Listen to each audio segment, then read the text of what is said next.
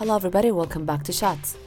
حلقة اليوم مع ضيفها كانت من قائمة الأمنيات عندي. والله الحمد يعني أنا كنت أتمنى إنه بس أكلمها. بس سبحان الله والله الحمد. مو بس كلمتها سويت حلقة كاملة بودكاست معاها. للأمانة يعني نفس الشعور اللي كنت أشوفه أو أحسه بالإنستغرام كان أحلى وأكثر لما قابلتها وتكلمت معاها في حلقة اليوم.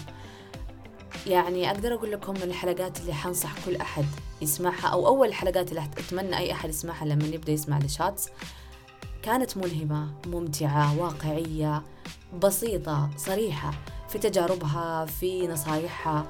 يعني ما أتوقع أحد راح يخلص الحلقة وما يبدأ يقول يلا أنا أبغى أبدأ أهتم في نفسي أبدأ أسوي رياضة. معانا اليوم كوتش تغريد.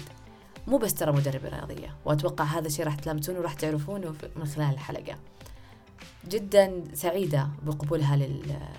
للدعوة. And ما حطول عليكم so let's start. أهلا وسهلا تغريد كيفك؟ الله يعطيك العافية هبة وشكرا لك جزيلا. يعني كلامك كثر كثير أسعدني وممتنة على هذه الفرصة الحلوة اللي أتحتيها لي إني أكون معك في هذا البودكاست. أنا تمام الحمد لله. كيفك أنت؟ الحمد لله بخير. وكأول سؤال نبدأ فيه عرفينا عن تغريد. كنت تغريد الرويلي آه، مدربة كمال أجسام آه، شريك مؤسس في شركة آه، الخصر الذهبي للتدريب الرياضي. أشتغل في مجالين اللي هو مجال التدريب وريادة الأعمال. ما شاء الله تبارك الله. متى بدأ عندك شغفك بالرياضة؟ متى تغريد قالت أنا كأني حاب هذا المجال وأبغى يعني أخوضه بشكل تفصيلي؟ تمام. شوفي سبحان الله يا هبة حقيقي ترى أنا كمدرب ما كان في بالي أبدا يوم من الأيام إني أدخل مجال التدريب يعني بدأت الموضوع النفسي. يعني أنا كنت شخص أعاني من الوزن زايد ويعني دخلت في مراحل محاولات اللي خلاني أتجه لهذا الشيء لاحظت التمست حاجة البنات صراحة. يعني لاحظت إنه ما كان عندنا يعني في مجالنا هذا أو خليني أكون مجال كمال أجسام إنه كان في بنات معروفين. وكنت أسمع كثير من بنات إنهم يخافون يدخلون مع مدربين آه وله قصور. أنا نفسي أصلا داخلة مع مدرب.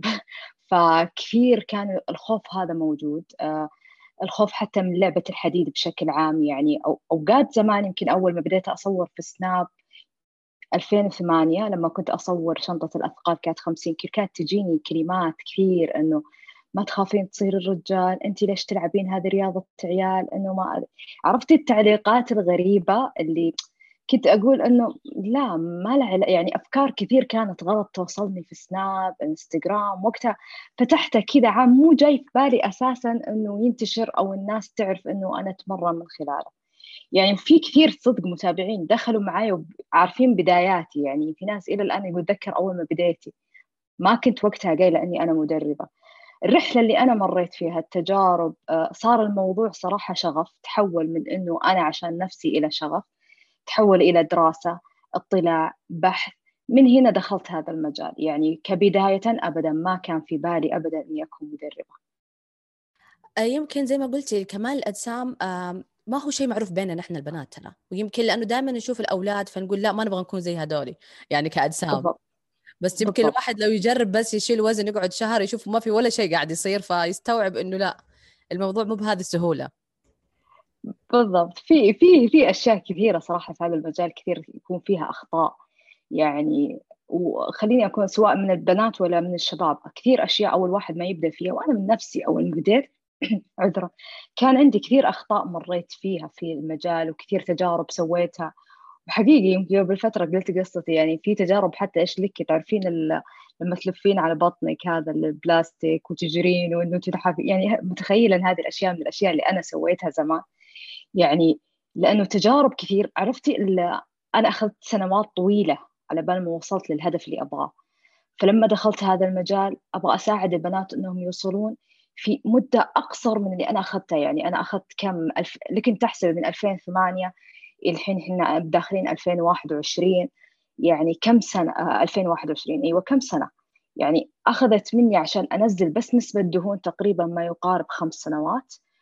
حطي فيها كم سنة أخطاء حطي فيها كم سنة آه، سمعت معلومات من ناس كانت خاطئة صدقت ناس أصلا كلامهم ما كان صحيح. هنا بدأت أخطائي هنا تخليني إني أنا أقرأ أبحث أشتري كتب. على وقتنا حتى كاتب معلومات مو كثير والكتب مش كثير. يعني إنك تطلع المعلومة كان جدا صعب. فتحتاج إنه تلقى أشخاص أصلا فعلا تثق فيهم تسمع منهم. آه بعدها طلعت إن الدورات كانت أول مرة تصير كم دورات هنا في السعودية في منطقة الشرقية وأخذت من عندهم. وبعدها بدأت يعني بدأ الموضوع يتحول. صراحة هبة يعني أنا بديت أدرس تقريبا عام 2010 اللي بدأت كدراسة. ما فكرت إني أدرب نهائيا. يمكن نهاية 2013 أو وسطة مو فاكرة بالضبط اللي بديت أدرب.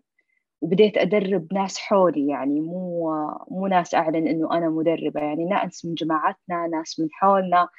شوي شفت تغيرات أجسامهم شفت ردة فعلهم مو طبيعية. اللي صاروا يقولوا لي تغيري تدربي تغيري تدربي أنت دربي. اللي رحت بعدها هنا بدأت أدرب في أندية بسيطة. وانطلقت. اللي خلاكي تستنين سنتين أو ثلاث سنوات لما تدربين بعد الشهادة؟ شوفي أنا كان عندي ممكن قناعة هذه مو موجودة عند كثيرين بس كانت عندي قناعة إنه مستحيل أنا أبدأ أدرب شخص وأنا لسه ما ما اكتسبت كثير معلومات ما اكتسبت كثير ما بنيت خبرة أساسا عندي. ما بنيت عندي علم كافي. أنا صعب إني أروح آخذ معليش على كلمتي فهذا هذا اللي قاعد يصير كثير الحين.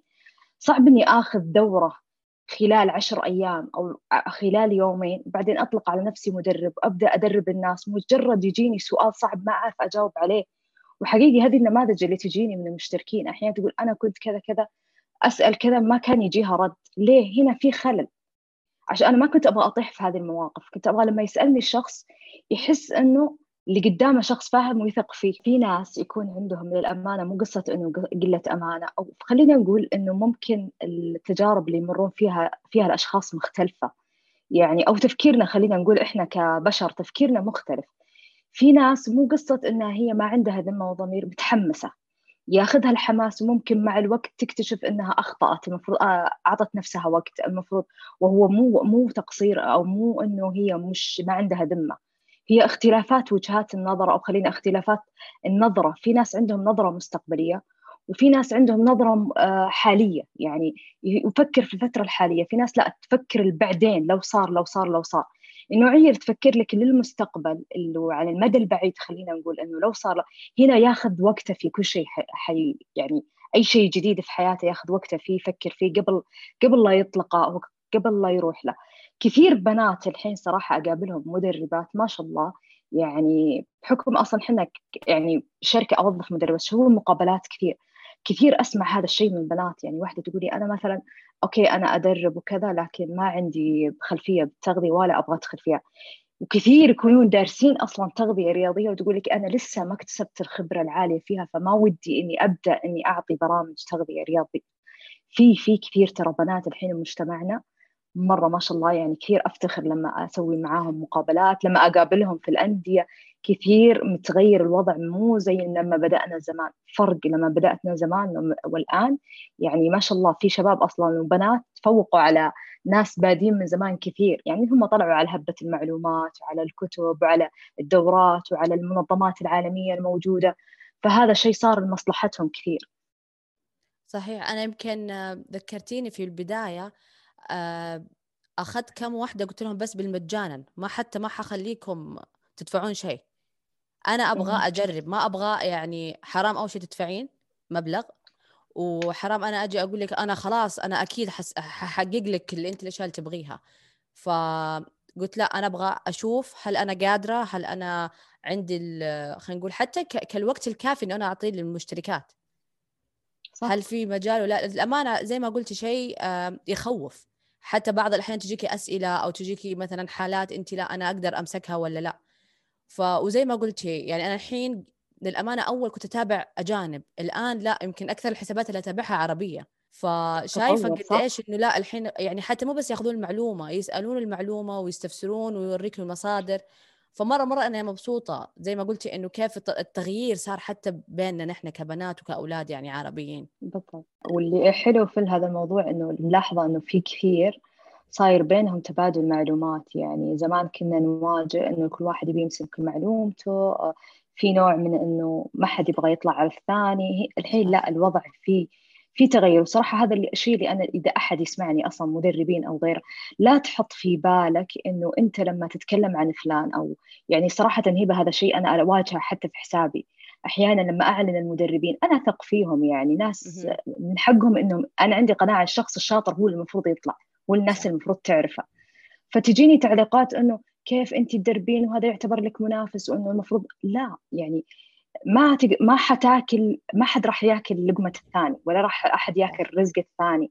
بالعكس أنت لما تنشرون هذا هذا مجتمعنا أنه مثقف وعندنا هذه الكوادر الشبابية اللي تشتغل في هذا المجال بالشطارة هذه الناس تحتاج. أحسن ما يجي أحد زي اللي حاصل الحين جروبات الدايت وما أدري إيش لين يعلن لهم كأنهم شيء صحي هو شيء بعيدا عن الصحة. هذول الناس اللي يعلن لهم الناس الشاطرين الشباب والبنات الموجودين في الساحة حاليا. فأتمنى أنه الكل يعني يحط في باله أنه بالأخير أنتم زملاء عمل ومعلوماتكم تكون متبادلة بدون صراعات وبدون نقاشات ما لها داعي. وأتمنى فعلا وهذا اللي قاعد يصير كثير ألاحظ تبادل معلومات بين بنات أو بين بنات وشباب ف فاللي قاعد يصير الحين مرة يعني أنا شخصيا زمان والآن شيء يفرح كثير فرق.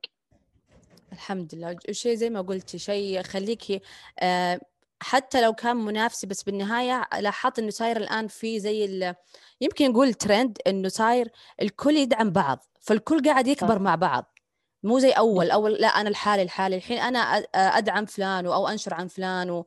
وأنت تنشر. فصاير الكل قاعد أصلا في النهاية يكتسب سواء كانت شهرة في في الساحة سواء كان متابعين مشتركين وغيره. فبالعكس زي ما قلتي. يستاهلون إذا كان واحد قد المنصب. صحيح. طيب تغريد كيف كانت بيئتك؟ هل كانت بيئتك آه. رياضية؟ هل كانت محفزة؟ أوكي. شوفي بيئتي آه، محفزة. أنا أقول لك إنه تحفيز كبير إيه؟ لأنه زي ما قلت لك أنا وحدة كنت أعاني من السمنة وكانت ماما تحاول قد ما تقدر إنه روحي توديني أندية. يعني حتى الدكاترة كانت توديني يعني من كثر ما هي تبغاني أنجز هذا الشيء وكانت تدري إني أنا أبغى أنجز هذا الشيء. آه محفزة كانت أختي داخلة معي يعني كنا لما نروح النادي نروح مع بعض. آه أخوي كان آه يلعب حديد. فترى بداية الحديد كانت سببها أخوي أساسا. كانت القصة أنه بعد محاولات وكذا وأنحف وأرجع أسمن وأنحف وأرجع أسمن. عرفتي؟ كارديو سويدي كانت هذه تمارين ما كانت في أندية كانت عبارة عن مستشفيات فيها صالات رياضية بسيطة. آه بعدها اللي جاب لي شنطة الحديد إنه جربي جربي. كان عندي خوف اللي يصير عند كثير بنات إنه لا أنا ألعب أشيل أثقال زي كذا أعضل يصير جسمي رجولي. يعني كان هذا تفكيري زمان. يعني تخيل الحين أنا اللي قاعدة أقول لهم يلعبوا هذه اللعبة. ف قريت عنها كثير. آه، هو كان يكلمني عنها كثير يوريني مقاطع إنه شوفي تعلمي. وفعلا بديت أطبق على نفسي. فعلا شفت يا هبة تغير مو طبيعي في الجسم. يعني تغيرات أشياء الله. كثير أنا ما كنت أشوفها بال لما كنت أروح أندية مع مدربين رغم إني هذه الشنطة عندي وأنا في البيت لوحدي. صحيح إني تعرضت لأخطاء كثيرة سويت أشياء غلط ما ما بقول لك إني كنت محترفة من البداية. لكن اللحظة اللي أخوي جاب لي هذا الشيء شنطة الحديد وقال لي يلا يا تغريد استخدميها. فعلا هنا سبحان الله بدأ شغفي في الحديد وبدأ مجال إنه أدخل هذه اللعبة وأقرأ عنها. يعني سبحان الله هي ش... أقول لك يا أنا بداية قصتي المجال كمال الأجسام عبارة عن شنطة حديد بس. كانت هي الانطلاقة. هل كمان أنت تلاحظي إنه عدم وجود الصبر؟ يعني يعتبر من أكثر الأسباب أو المسببات إنه ليش الناس ليش ما تبغى تستمر في الرياضة أو ليش ما تبغى تكون أو تبدأ حياة صحية؟ لأنه أنا شخصيا من خلال تجاربي أنا مع نفسي ومع غيري أشوف إنه أكثر سبب. هو كثير ألاحظ فعلا كلامك ترى صحيح إنه موضوع الواحد لازم يصبر على نفسه. شوفي أنا بقول حتى البنات اللي وزنهم عالي. يعني أنا جربت قد إيش صبرت على نفسي؟ يمكن لو ما صبرت على نفسي وكنت عجولة ممكن عانيت من ترهلات عانيت من مشاكل هذه الأشياء ابدا ما عانيت منها نهائيا. ولا دخلت فيها مراحل أعطيت نفسي على قولتهم صبر. ونفس الشيء أقول للبنات اللي يشتركون عندنا أنه عندهم وزن أنه لازم تصبرين. تبغين توصلين الهدف الشكل أنت تعجبين فيه في نفسك؟ يعني حقيقي يا هبة عذرا على هذه الكلمة إحنا ما نبغى نوصل مرحلة نحف على ميزان على قولتهم رقم ميزان. مقابلها أنت ما تقدرين تلبسين اللي تبغينه. أنت ما تقدرين حتى تناظرين نفسك بالمراية. أنت تروح يعني أحزن. والله حقيقي تجيني كثير على سناب على الدايركت عشان بس بسرعة أبغى سريع سريع. يا ولا ترسل لي إنه عندها نسبة ترهل جدا عاليه انها باديه خطأ. هنا ما أقدر خلاص. مرحلة المساعدة انتهت. هنا تجميلي ما تقدرين. تسألينها تقول لك أنا كنت عجولة على نفسي وكنت أعمل وكنت أعمل. وكثير بنات يخافون من الحديد وما أدري إيه. فيدخلون هذه المشاكل الكثيرة. فأعطوا نفسكم بس مجال سواء كنت واحدة أصلا تعانين من نحافة. تبين تزيدين وزنك؟ أو حتى ترى هي نفس الشيء سواء اللي يكون نحيف ويبي يزيد وزنه ولا سمين ويبغى ينزل وزنه. ترى كلهم يحتاجون إنهم يصبرون على أنفسهم حتى جسمهم يعطي نفسه شكل جديد يكون شيء. يعني النحيف يكون شيء من لا شيء. واللي عنده وزن زايد إنه يحتاج إنه مراحل ينزل دهون ويحافظ وهكذا حتى يوصل نتيجه مرة كويسة. فالموضوع ترى كله صبر ولا كلنا نقدر إننا نوصل هذه النتيجة بس لو نكون ناس صبورين. إيش اللي تشوفين اللي يخلي البنات جدا جدا مستعجلين أو ما عندهم يعني شفت أحيانا الصور اللي تطلع آه يقول لك مثلا خذ هذه الحبة عشان تنحف ومثلا لا أسلوب حياة صحي اللي كلهم يروحون لهذاك الصف. أو مثلا يعني لو بنلاحظ أغلب أغلب الحلول السريعة فيها حرمان مو طبيعي يعني تعب مشقة مو طبيعية. يعني إحنا نقول لهم تعالوا هنا الاسلوب حياة صحي اصبري بس حتعيشين حياتك. تطلعي وتخرجي وتنامي وتتفرجي وتجتمعي وأنت مبسوطة. بس لا تقول لك أنا أبغى زي اللي آه، أعاقب نفسي ولا أبغى يعني زي ما يقولون أبهذل نفسي. ليش تحسين إنه عندنا هذا التفكير اللي بسرعة يلا معلش بتعب وبتبهذل بس آه، يلا بروح لهنا مع إنه جدا جدا مرهق. شوفي هذا المجال للأمانة. يعني صعب إني أحصر لك النماذج اللي تبغى إنها تصير هذا الشيء. كثير بعضهم أكتشف عندهم مشكلة نفسية. كثير بعضهم أكتشف عندهم ضغوطات آه، من أصدقاء ضغوطات من أهل ضغوطات حتى من أزواج آه، أحيانا ضغوطات ذاتية منها نفسها هي كيف تعاقب نفسها؟ زي ما قلتي أنت إنه كيف تناظر نفسها. يعني أحد النماذج اللي جتني كانت تقول أنا ما أستاهل إني أعيش. يعني عشان شكل جسمها متخيلة أنها تقول أنا ما أستاهل إني أعيش عشان شكل جسم. آه في ناس آه عندهم إنه في نموذج ما عندهم مشاكل خليني أقول نفسية كثر ما هو شخص يبغى نتيجة عشان مناسبة معينة مجرد ما تنتهي المنافسة خلاص خلاص لبست اللي يعني دائما الزواجات. هذه الزواجات زوج المشكلة. ترى عندي نماذج كذا فعلا تنحف عشان زواج وكذا. بعد زواجها بثلاث شهور أربع شهور ترجع اللي يعني شوفي أنا أتقبل إن شحنة طبيعي كبشر إنه أنا كشخص يعني لو أفك وأسافر بقول لك بجي زايدة وزني كم هذا شيء يعني هو طبيعي يعني بالأخير أنا قاعدة أتمرن لنفسي مو شيء كبير مرة ولا زي حقين البطولات. هذا المشكلة اللي قاعدة تصير يا هبة. بعض البنات حتى لما تنحف وأنا أواجهها حتى مع المشتركين لما تنحف تنقطع عني شهر ولا شهرين okay تكون محافظة. بعدين تجي زي ما قلت تكون تزوجت راحت مع زوجها سافرت برا سمنت لها كم كيلو أو زادت لها كم كيلو جاتني متحطمة ليه تتحطمين؟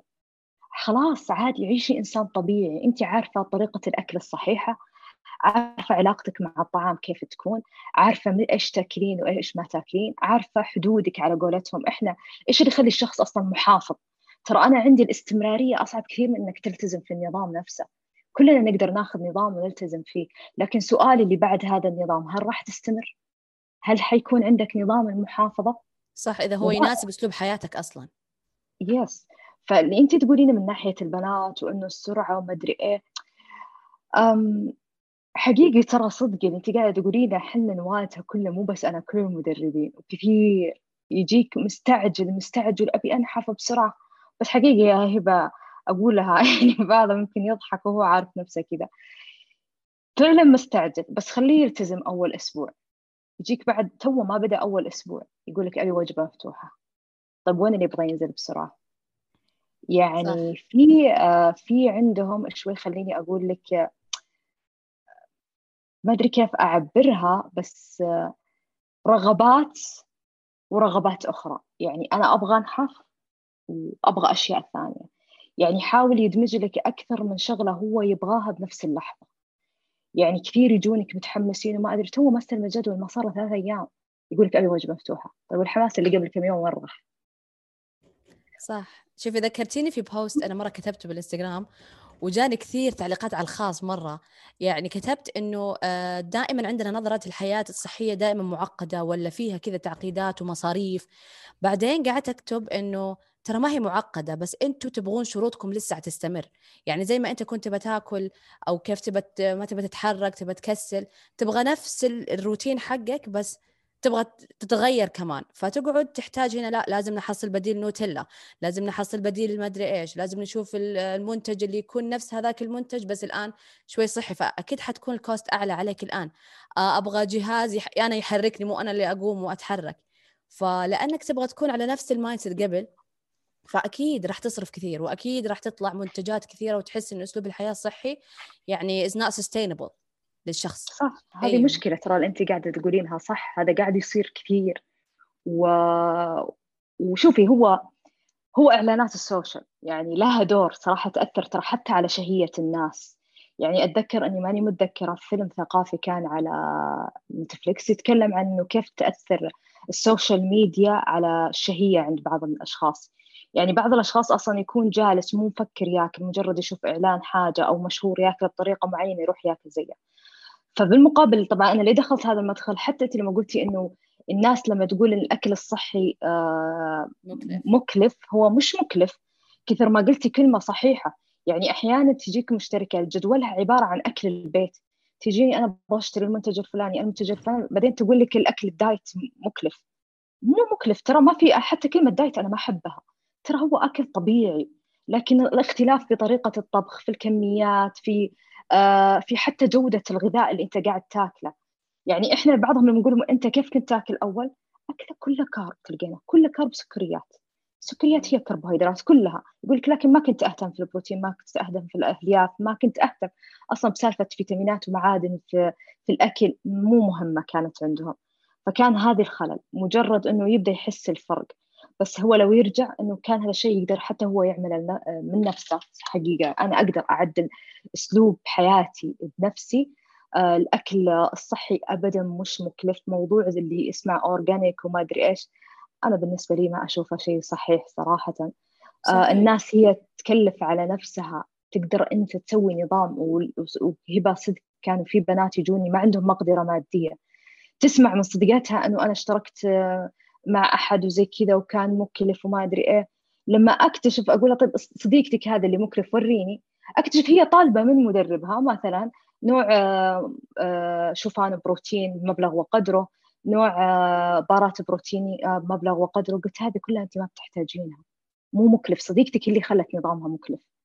صحيح ف... في مرة رحت أنا في السوبر ماركت وأنا من النوع اللي أحب أقرأ. يعني ياخذ مني ساعة ساعتين بس أقرأ العلب. فتخيل اكتشفت صلصة طماطم يعني الماركه مسويه منتجين صلصة الطماطم العادية وصلصة طماطم اللي هي عضوية. تخيلي تغريد نفس المكونات. بس حطي لك ما, ما في ولا شيء غير. بس اللهم هذه العادية والله تقريبا ثمانية حبات نفس السعر بس تاخذينه لأنه عضوي بتاخذين بس أربع حبات يعني بس يعني تاخذين الدبل السعر على إنه صحي. تخيلي قعدت لدرجة إنه والله قعدت شوي على الأرض تخيلي يعني نزلت أستنى أنا قاعد أقرأ صحيح ولا لا؟ يعني تستوعبين إنه أحيانا فهو كشركة تبغى تسوق وفي ناس بتروح تدفع لأنه بس كلمة عضوي خلاص أوكي. بس أنت لما تقول لا أنا لازم آخذ عضوي عشان أكون صحي بعدين تكتشف إنه نفس المكونات اللي أنت كل يوم تطبخ فيها واللي تاكل فيها واللي أهلك مثلا يطبخوا لك إياها ترى هي نفسها. صحيح. ترى يعني حتى الشوفان الشوفان لازم يكون من ماركه وأروح يكون مستورد. طب شوفان هنا. والله حلو. مرة كويس. شوفي هو حتى في الإعلانات ترى يدرسون أطباع البشر. يعني كل شيء تشوفونه إعلانات وتسويق ترى دراسة للبشرية كاملة يعني. موضوع إنه healthy وما healthy ترى لعبوا على مشاعر الناس. يعني كثير أصلا organic خليني أقول لك أو healthy أو diet نكتب أو light وغيره. في منتجات فعلا تستاهل إنك تاخذينها لأنه تعطيك آه، تمتعك بأكلك وبدون ما تكون فيها سعرات عالية. أيوه قيم غذائية في منتج اي وفي منتجات مكتوبة ولا هي بعيدة من كل البعد عن كلمة light بس في ناس تقرأ الكلمة تشتريها لك وفعلا تلقينها نفسها زي ما قلتي ما أحيانا تاخذين مايونيز light ومايونيز عادي تلقينها نفس الشيء. خاصة بعض المنتجات نفس الشيء الماركات. نفس الشيء بس خدعوك بكلمة ال light وبتشتريها يعني كم زايد عن هذا ب 20 ريال أو 10 ريال أو 15 ريال. أو يكون فالو... مثلا الدهون تقول لك قليلة بس تلفي ورا مثلا لا ال carbs عالي. يعني شيء ثاني عالي فهمتي مقارنة بالشيء اللي نزلوا لك إياه. بالضبط. يعني أنا مرة أفتكر إني أخذت prot... آه... cookies protein على السريع وقلت لا خلاص يلا حلو سناك وأنا حكون في السليم. تخيلي خلصت قلت خليني بس أقرأ اللي هو ال nutritions ال information حقه. تخيلي وجبة كاملة. أنا هنا خلاص. يعني تقريبا فوق 400 سعره وأنا مبسوطة الحين انه ما حخبص فتخيلي شكلي في السيارة وأنا رايحة الحين لا خلاص فجأة سدت نفسي يعني. فعلى قولتك إنه ترى لا يلعبون بالمشاعر كثير. وأوه protein bar ولا protein cookies إنه لا الحمد لله أموري في السليم. بس أقول لهم دائما معلش خذوا وقتكم وإقروا. ترى صح. أنت كمان كمستهلك ما ينفع إنه يعني يتريقوا عليك أو إنهم يستغفلوك. أنت كمان تحتاج تبذل من عندك مجهود. صح. ولازم نعرف شيء. حتى باختيار المنتجات أنت تختار المنتج اللي يناسبك كنظام غذائي. يعني شخص مثلا عنده نسبة آه، سعرات عالية ممكن عنده قدرة أنه يدخل منتجات معينة بحكم أنه عنده سعرات عالية. عنده كمية الفات عالية عنده كمية الكاربز عالية. عكس لما يكون شخص عنده السعرات قليلة. هنا لازم يكون حريص في اختياراته ممكن هو يدخل منتج يشوفه بسيط يغطي له كمية من سعراته هو يح... وبيجوع بعدين لأنه غطاها بسبة منتج معين يحتاجها إنه يقسمها على وجبات ثانية. فحتى اختيار المنتجات ترجع لك أنت والأسلوب نظامك التغذوي. ممكن أنا آخذ شيء ممكن عندك مثلا مايونيز زي ما قلنا light وفعلا قيمته الغذائية منخفضة بأشياء كثير نسبة دهون وغيره وغيره وثانية عادي ممكن الشخص اللي سعراته عالية يقدر يستخدم العادي مو محتاج إنه ياخذ ال light لكن أنت كشخص يعني ممكن تحتاج ال light ممكن ما تحتاجه أساسا. ما تحتاج إنك تستخدم شيء زي كذا ترفع فيه سعراتك وإنه والسعرات حقتك أصلا يا دوب لو تقلل منها ممكن تجوع. فلازم حتى في اختياراتنا نراعي هذا الجانب إنه هل يناسبني يناسب نظامي الغذائي الحالي أو لا. في عندي كانوا بنات يبغوا يق... مثلا هي أم وعندها أطفال وتبى تقلد نظام وأسلوب حياة واحدة مثلا طالبة. فأنت طاقتك وضعك طبيعة يعني حتى أكلك أنت طبخك حيكون مختلف عنها. هي يمكن تسوي لنفسها أكل أو حتى ماديا يمكن أنت مصاريفك تختلف عن مصاريفها. فصح كلامك إنه راعوا أنتم أول شيء شوفوا حياتكم كيف وراعوها آه موضوع الوظائف. أنت قلتي إنه إحنا طالب وكمعلمة. صراحة هذا الشيء حقيقة هبة أنا ألاحظه. يعني أنت لازم تراعي طبيعة عملك. لما انت لأنه صعب أنه شخص بعطيك على نفسي أنا كريادة أعمال اجتماعات كثيرة تنقلات بين مكاتب ومكاتب في أنواع طريقة تغذية تكون جدا صعبة علي على على طريقة عملي. صعب إني مثلا أنقل وجبات عبارة عن طبخ كذا كذا. أحيانا اجتماعات تكون خمس ست ساعات ورا بعض. هل يعقل بنص الاجتماع أنا مطلعة يعني وجبة عبارة عن رز وكذا في وسط اجتماع؟ يعني في أشياء أحيانا حتى ذوقيا ما تناسبني كعمل. فأنا لازم كشخص أراعي هذه هذه النقاط. لما تعمل شيء لحياتك تكون تناسبها من كل جانب عشان ترتاح. أنت اعمل الشيء اللي يريحك لنفسك عشان تقدر تستمر فيه.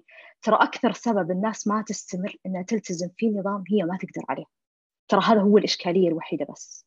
طب إيش أكثر معلومة آه، شفتيها وكان أو أنت كنت مطبقتها وكنت يمكن مؤمنة فيها ومن الناس اللي يدعمون هالفكرة بعدين اكتشفتي لا ترى غلط.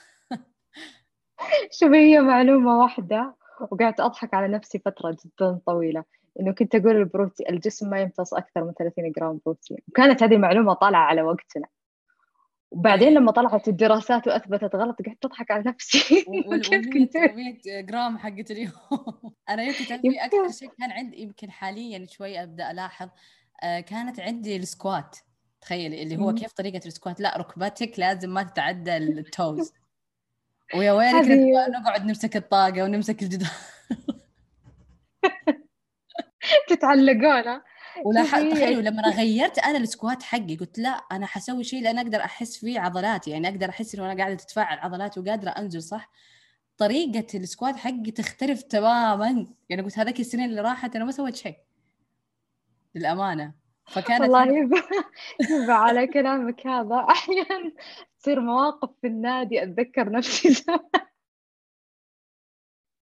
ترى ضحكت يوم قلت لي السكوات. فعلا يعني أحيانا أشوف بنات يعني ممكن من ب... بقول هذه القصة بس عشان تعرف الناس حتى أنت أحيانا بتكون مدرب تطيح بمواقف زي كذا. زمان ما كان عندنا أندية ما كان عندنا أندية فيها أجهزة هايدروليك اللي هي أجهزة الحديد الحالية. أول ما فتح النادي أول واحدة دخلت النادي أنا. خلاص بروح وأنا أشوف الأجانب يتمرنون بأجهزة إحنا ما عندنا. ما عمري في حياتي شفت جهاز قدام يعني تخيل هاك سكوات في حياتي ما شفته قدام. أول ما فتحوا أندية في الدمام أول ما فتح النادي رحت. الله لا يوريك الله لا يوريك الأشياء الخرابيطة اللي أنا سويتها. الحين لما أشوف البنات يسوونها أتذكر نفسي زمان. فعليا يعني كان شيء غير مع أنها كنت وقتها دارسة بس ما كان عندنا خبرة الأجهزة ما كانت عندنا هذه الأندية.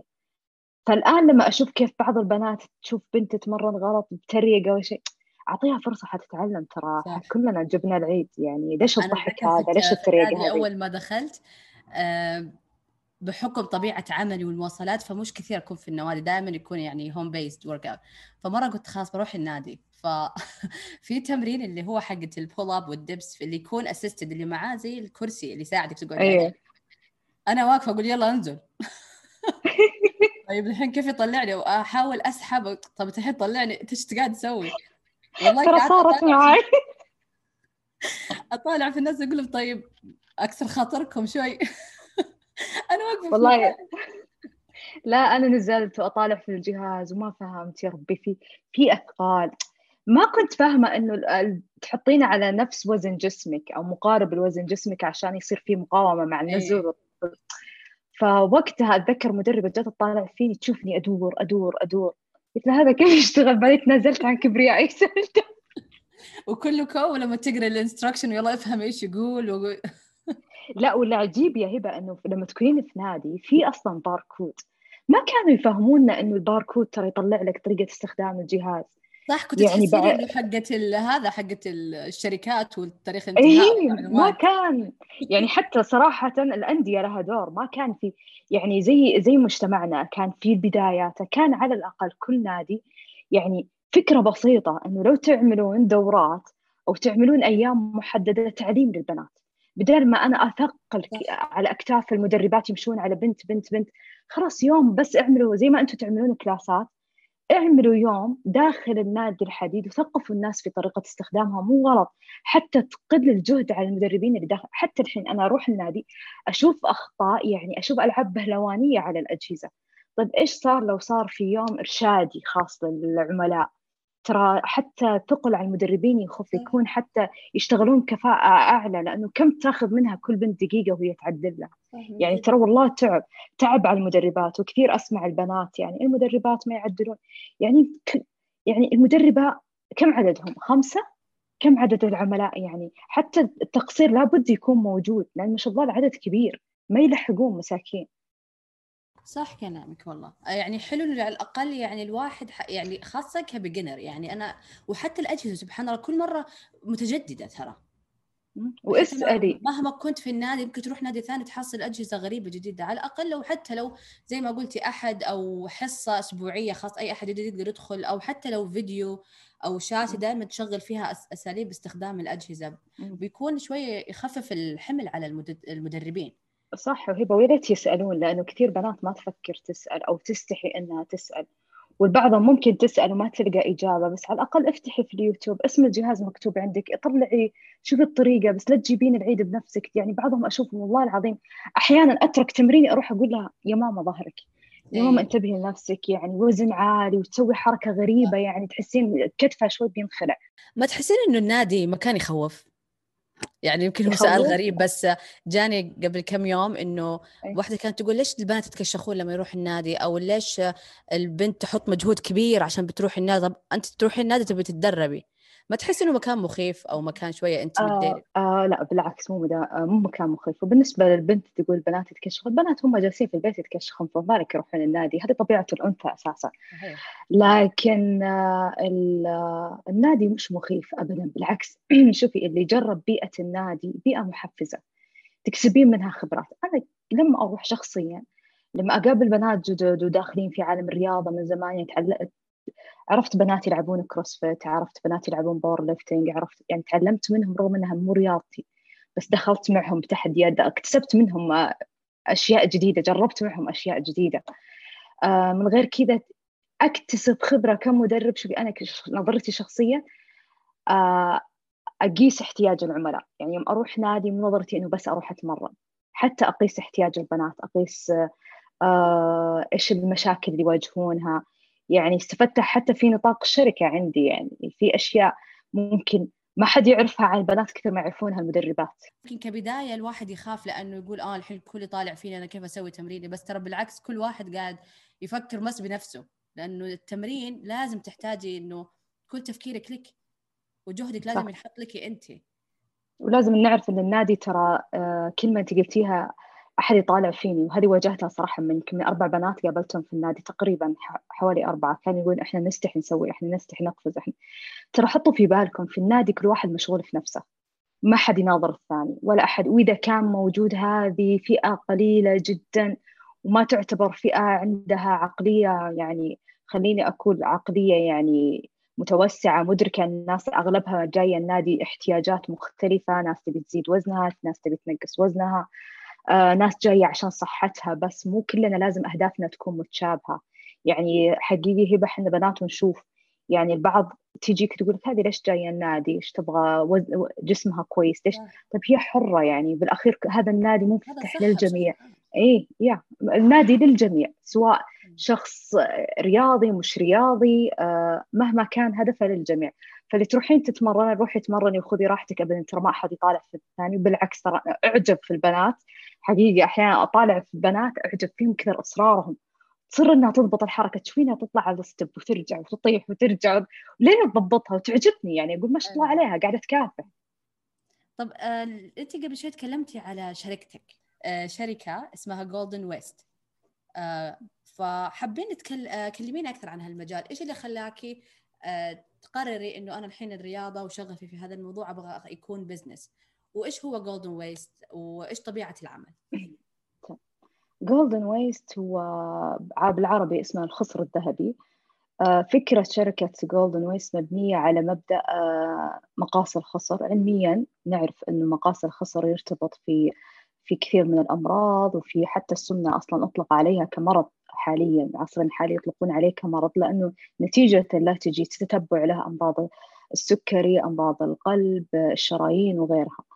فكان مبدأ إطلاق الاسم Golden Waist بناء على محيط الخصر كمبدأ طبيا أخذناه من الناحية الطبية كان هذا هو اسم الشركة.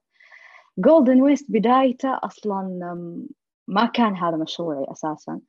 يعني كنت بدايتي كنت أفكر بمشروع ثاني نهائيا ما كنت من ناحية Golden Waist Golden Waist بدايته عرفتها عن طريق نادية الحربي هي المدير التنفيذي حق الشركة. آه، أنا ونادية كنا في جروبات كنا ندرس دورات رياضية مع بعض.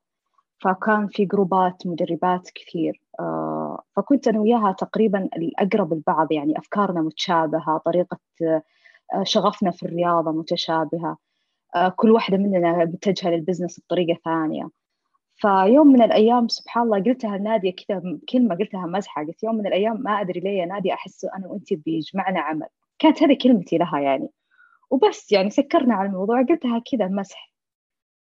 يمكن مر شهر أو شهرين رجعت كلمتني نادية أنه أنا عندي آه، أبغى أفتح شركة. هي عندها أصلا آه، محل وحابة تحول المحل وتقلب الاسم المؤسسة حقتها إلى شركة. وبالبداية هي أساسا اختيار الاسم Golden Waist مبني على زي ما قلت اللي شرحته قبل. واسم المؤسسة حقتها أساسا كانت Golden Waist فلما اجتمعنا نغير ما نغير لا الاسم مرة كويس ما نغيره. آه، اختيارها كان جدا جميل. آه، وهنا بدأت انطلاقة الشركة يعني. سبحان الله كلها جت خليني أقول لك محض الصدفة أو تعارف أو قدر ربي كاتب أن نتعرف أنا وهي عشان نبدأ نفتح Golden Waist فالمدير التنفيذي عندنا هي نادية حربي وأنا شريك مؤسس معاه في الشركة. إيش كانت الصعوبات اللي واجهتوها لما بتنشؤون شركتكم Golden Waist؟ آه شوفي إحنا لما بدأنا آه مش آه طبيعي أي شركة تفتح جديد و startup حتواجه كثير مشاكل تطويرات أمور خاصة في العمل. تحديات كثيرة. أصلا كل سنة عن سنة تجينا تحديات كثيرة تكثر تطور العمل البيئة المجال اللي أنت تشتغلين فيه كل مرة يتطور تحتاجين تواكبين اللي قاعد يصير حاليا. يعني خلال سنة واحدة كم مرة غيرنا التطوير طريقة تقديم الخدمة عندنا أكثر من مرة غيرناها. يعني من بدأنا كل سنة نغير الخدمة تقديمنا الخدمة حقت التدريب الرياضي بشكل مختلف. طبعا إحنا Golden Waist هي شركة تدريب رياضي آه، نقدم خدمات تدريبية اونلاين وتغذوية. طبعا كثير أشخاص يفكرون إحنا بس نقدم كمال أجسام لا. آه، عندنا تدريب CrossFit عندنا تدريب آه، كمال أجسام عندنا تدريب lifestyle الناس اللي يبغون للصحة فقط. عندنا تدريب الحوامل وما بعد الولادة. عندنا كمان حتى الإصابات الرياضية ندربهم. آه طبعا عندنا تخصصات كثيرة لأشخاص أو شركاء النجاح اللي يشتغلون معانا من مدربات وأخصائيات. تخصصاتهم مختلفة. زي ما قلت في بعضهم أصلا تخصصهم أصلا آه CrossFit في بعضهم تخصصاتهم زي تخصص bodybuilding في بنات تخصصاتهم عندنا أصلا هي أخصائية علاج طبيعي.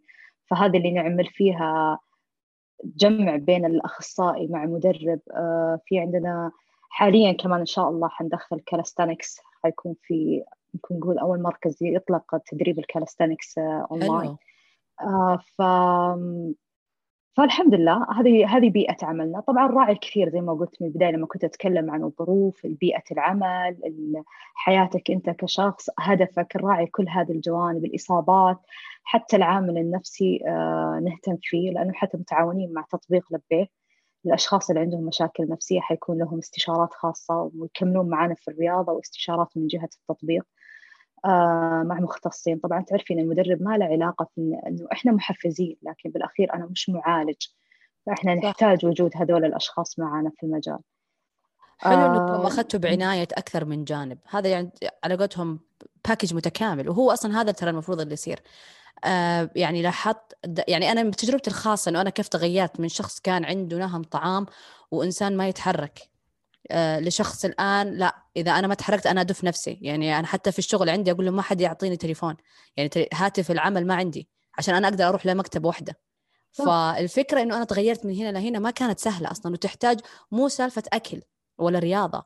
زي ما قلت سالفة نفسية يعني بشكل مرة كبير. يعني لما أقول لهم موضوع الحياة الصحية ترى موضوع نفسي أكثر ما إنه موضوع قوم اتحرك سوي هالتمرين ولا سوي أكلك بهالطريقة. فحلو عنايتكم بهذا الجانب. يعني ندلدل عن إنكم فاهمين هذا المجال بشكل كامل صراحة وإيش اللي يعني تبعاته. الله يسعدك. حقيقي ترى والله رحلة العميل. يعني رحلة العميل الباقات التخصصية يمكن أخذت مننا سنة كاملة بس ببرمجتها وتطويرها وتصنيفها وحتى اختيار الشركاء النجاح اللي كان معانا كان مو شيء سهل. يعني جلسنا ما يقارب ست شهور إنه نختار آه، أشخاص بعناية من غير اشتغلنا معاهم على برامج تطويرية فترة طويلة. وإلى الآن إحنا اللي يدخلون معنا ما حيدخل ويدرب وانتهى عندنا برامج تطويرية كشركاء نجاح يشتغلون معانا اجتماعات خاصة فينا في العمل آه، رحلة العميل عندنا مهمة. يعني أي شخص شوفي أي شخص في هذه الحياة بينجح شغله أكيد حيشتغل فيه من قبل. فأنا بالنسبة لي جولدن ويست كأنه ولدي. ف... فكل شيء نشتغل فيه بحب صدق. يعطيكم ألف عافية. طب الآن اللي بيسمع أكيد إحنا راح نحط كل ال links آه، في ال description box. آه، كيف آلية الاشتراك؟ سواء كان أبغى أشترك أنا لأنه يعني أبغى هذه الخدمة أو أشترك كش... ك partnership أو كمدرب أو للعمل في Golden Waist كيف الآلية عندكم؟ الآلية عندنا في حسابنا عندنا رقم خاص لخدمة العملاء يتواصلوا مع خدمة العملاء. خدمة العملاء أول ما يجيهم العميل إذا كان حاب إنه زي ما قلت يا partnership يتكلم معاهم إنه أكون معاكم كشريك أو جزء من الشركة. هنا يتحول إلى الإدارة يرفع إيميل أو خطاب يتحول للإدارة وحنا نتواصل معاهم. أما بالنسبة للعملاء أول ما يدخل حيطلبون منه أول شيء مجموعة أسئلة قياس احتياج العميل إحنا نسميها. بعدها حيعملون مع قياس مستوى الرياضي للعميل لأنه التخصصية عندنا أصلا الشركة داخلها أقسام. في قسم خاص لتدريب المبتدئين قسم خاص لتدريب الفئة المتوسطة قسم خاص لتدريب النخبة. فحتى هو لما يسجل ما حي ما حتى اختيار المدرب مش مش هو حيجي ويختار المدرب. المدربين عندنا تخصصات ويدربون فئات معينة. فيعمل التقييم المستوى الرياضي. آه، بعد التقييم هذا يبدأ آه، يختار له من الفئة من المدربين اللي حيمسكونه ويعطى ويعطى الباقة الخاصة فيه. يعني مثلا سجل وعمل التقييم والتقييم بالأخير تحليل التقييم طلع أنه الفئة المبتدئة. الفئة المبتدئة هنا يحول إلى قسم الفئة المبتدئة. هنا يبدون يتواصلون معه ويحددون مدربة. بعدها يبدأ المدرب يجلس معاه جلسة مدة ساعة ياخذ معلومات عنه يفتح خلينا نكون صريح مع مدربة مشاكل حياته ظروفه عمله ياخذ منه استبيان كامل حتى الأكل حساسية الأكل أدوية معينة هو ياخذها. فتعرفين ناخذ تاريخ كامل عنه والوضع الحالي اللي معه.